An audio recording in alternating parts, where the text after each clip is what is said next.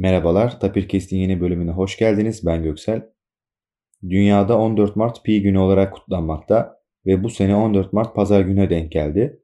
Bugünkü podcast'imizde de Pi gününden dolayı Pi sayısından bahsetmek istiyoruz.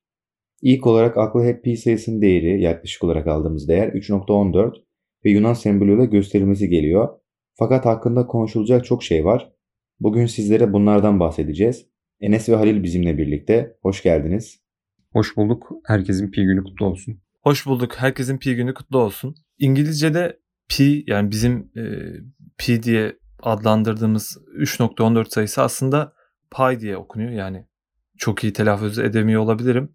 E, ama bu okunuş İngilizce'deki e, turtayla da aynı telaffuza sahip. E, bu yüzden de e, insanlar bugün de turtalar yapıyorlar. Yani pi gününü bu, şekilde kutluyorlar. E, bu da insanların matematiğe olan ilgisini biraz arttırıyor açıkçası. Benim görüşüm bu şekilde. UNESCO'da 2019 yılında Mart'ın 14'ünü e, Uluslararası Matematik Günü olarak ilan etti. İngilizce konuşulan ülkelerde genelde Mart'ın 14'ü e, turtalar ve pastalarla kutlanıyordu. Ancak bu sene Covid salgını nedeniyle e, büyük ihtimalle insanlar bir araya gelemeyecek ve e, bu etkinlikte online olarak düzenlenecek diye tahmin ediyorum. 14 Mart Pi gününe ek olarak Einstein'ın doğum günü ve Stephen Hawking'in ölüm günü olarak bilinmekte. Daha önce Tapirlab'ın Instagram hesabından da paylaştığımız gibi Stephen Hawking'in mezar taşında bulunan denklem ve e, Einstein'ın alan denkleminde pi sayısını görebilmekteyiz. Pi sayısının hesaplanması yüzyıllar boyunca denendi ve Babililer, Mısırlar zamanından beri üzerinde çalışılıyor.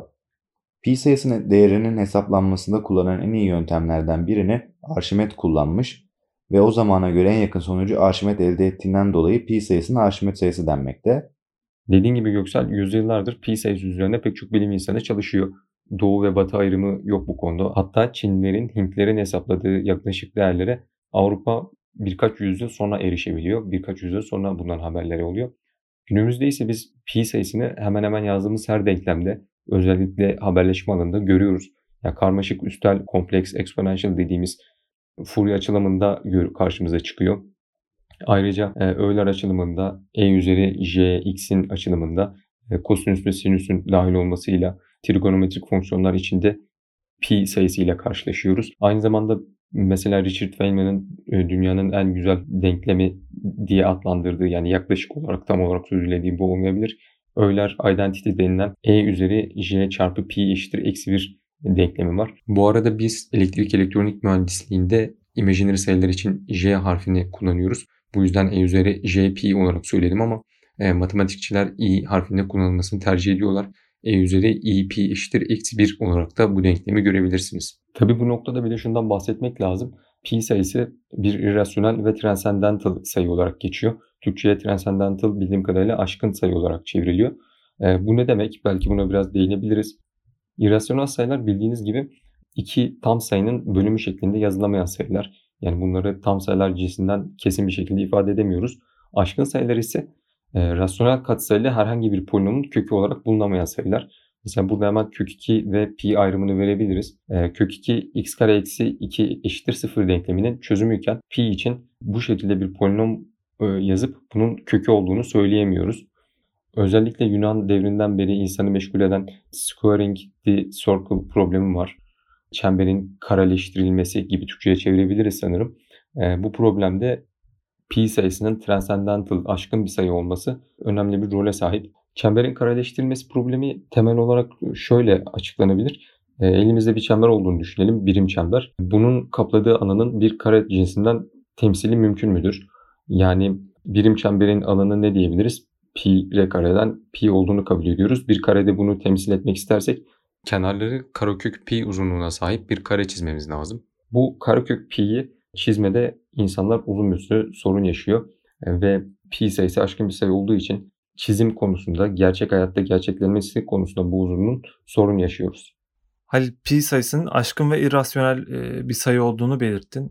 Bu sayı yüzyıllardır hatta milattan önceden beri hesaplanmaya çalışılıyor. Çok farklı yöntemlerle bu hesaplamalar yapıldı günümüze kadar. Hesaplama teknikleri günümüzde bilgisayarın da hayatımıza girmesiyle birlikte daha da kolaylaştığından ziyade e, daha fazla hesaplama yapabiliyoruz e, diyebilirim. Şu ana kadar 50 trilyonuncu basamağa kadar e, hesaplandı. Bu hesaplamanın bir diskte kapladığı alan ise e, 40 terabayt olarak e, söyleniyor. Bunun için tabii çok farklı algoritmalar, e, çok farklı hesaplama teknikleri kullanıldı. Bazı insanlar da e, pi'nin hesaplama yöntemini donanımları test etmek için kullanıyorlar.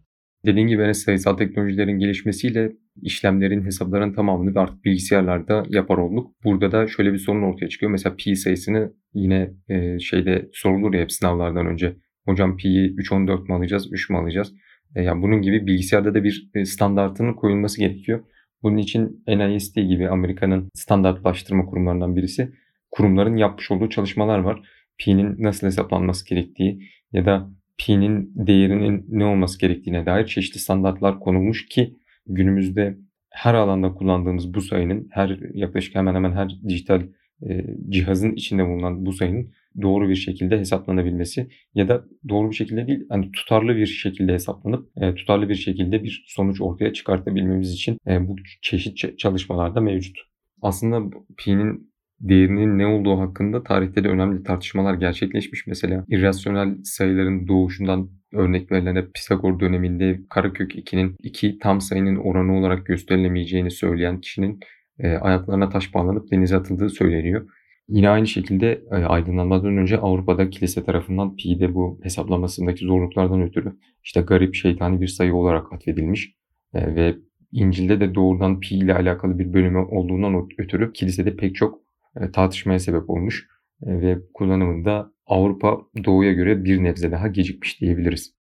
Pi sayısı hakkında söylenecek çok şey var ama bugün sizlere pi sayısından kısaca bahsetmek istedik. Pi gününüzü kutlamak istedik. Halil Enes geldiğiniz için çok teşekkür ederim. Pi gününüz kutlu olsun. Bizi dinlediğiniz için çok teşekkür ederiz. İyi günler, sağlıklı günler.